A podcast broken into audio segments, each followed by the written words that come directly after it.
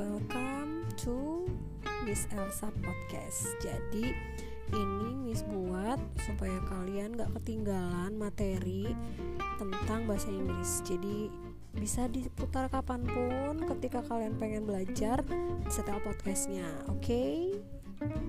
See you to the next material. Goodbye.